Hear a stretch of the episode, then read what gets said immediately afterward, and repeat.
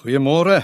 Ons wêreld is in 'n krisis omdat mans uit die huise begin wegraak het. Die ekonomiese toestand het veroorsaak dat mans lang ure werk en eintlik hulle kinders net sien as hulle slaap.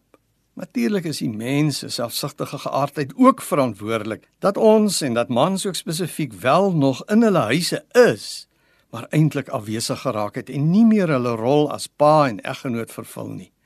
Na die laaste wêreldoorlog was 10% van gesinne in Duitsland vaderloos en die gevolg daarvan weet ons was hierdie onbeheerbare opstandigheid en rebellie onder die Duitse jeug. Meer as helfte van laerskoolkinders in ons land groei dikwels in enkelouerhuise op. En statistiek bevestig dat vaderloosheid die grootste oorsaak is van tiener selfmoorde, gedragsafwykings en jeug in tronke. Sien hierdie probleem oor die pa se rol in die huis het reeds by die eerste mense, by Adam en Eva in die paradys voorgekom. Gewoonlik kry Eva die blame omdat sy die verbode vrug gepluk het.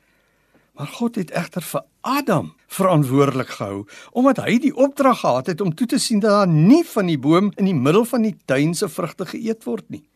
Adam het gesondig deurdat hy stil gebly het, niks gedoen het toe die slang sy vrou verlei en aangeval het nie. Hy het nie standpunt ingeneem en opgekom vir God se opdrag nie. Adam was afsydig en het self op die ou en ook saam geëet.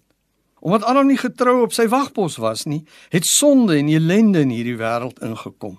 En sonde het skeiding en verwydering tussen die mens en God gebring, maar tog het God die mens nie verwerp nie, maar vir Adam en Eva opgesoek in die tuin om hulle te vergewe en hulle verhouding met God weer te herstel. Ons lees daarvan in Genesis 3 vers 8 tot 9 daar staan: Hulle het gehoor hoe die Here God in die tuin wandel teen die tyd dat die aandwind opkom en die mens en sy vrou het vir die Here God weggekruip tussen die bome van die tuin.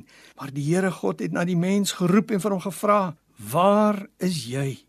God kom soek ook vir ons vandag nog steeds op met die goeie nuus dat daar uit die vrou gebore is soos wat hy beloof het, 'n verlosser Jesus wat die slang se kop vermorsel het aan die kruis.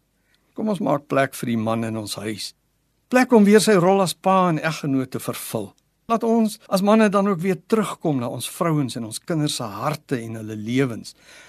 Kom ons kies dat ons huis die Here se huis sal wees en die Here sal dien. Kom ons bid saam.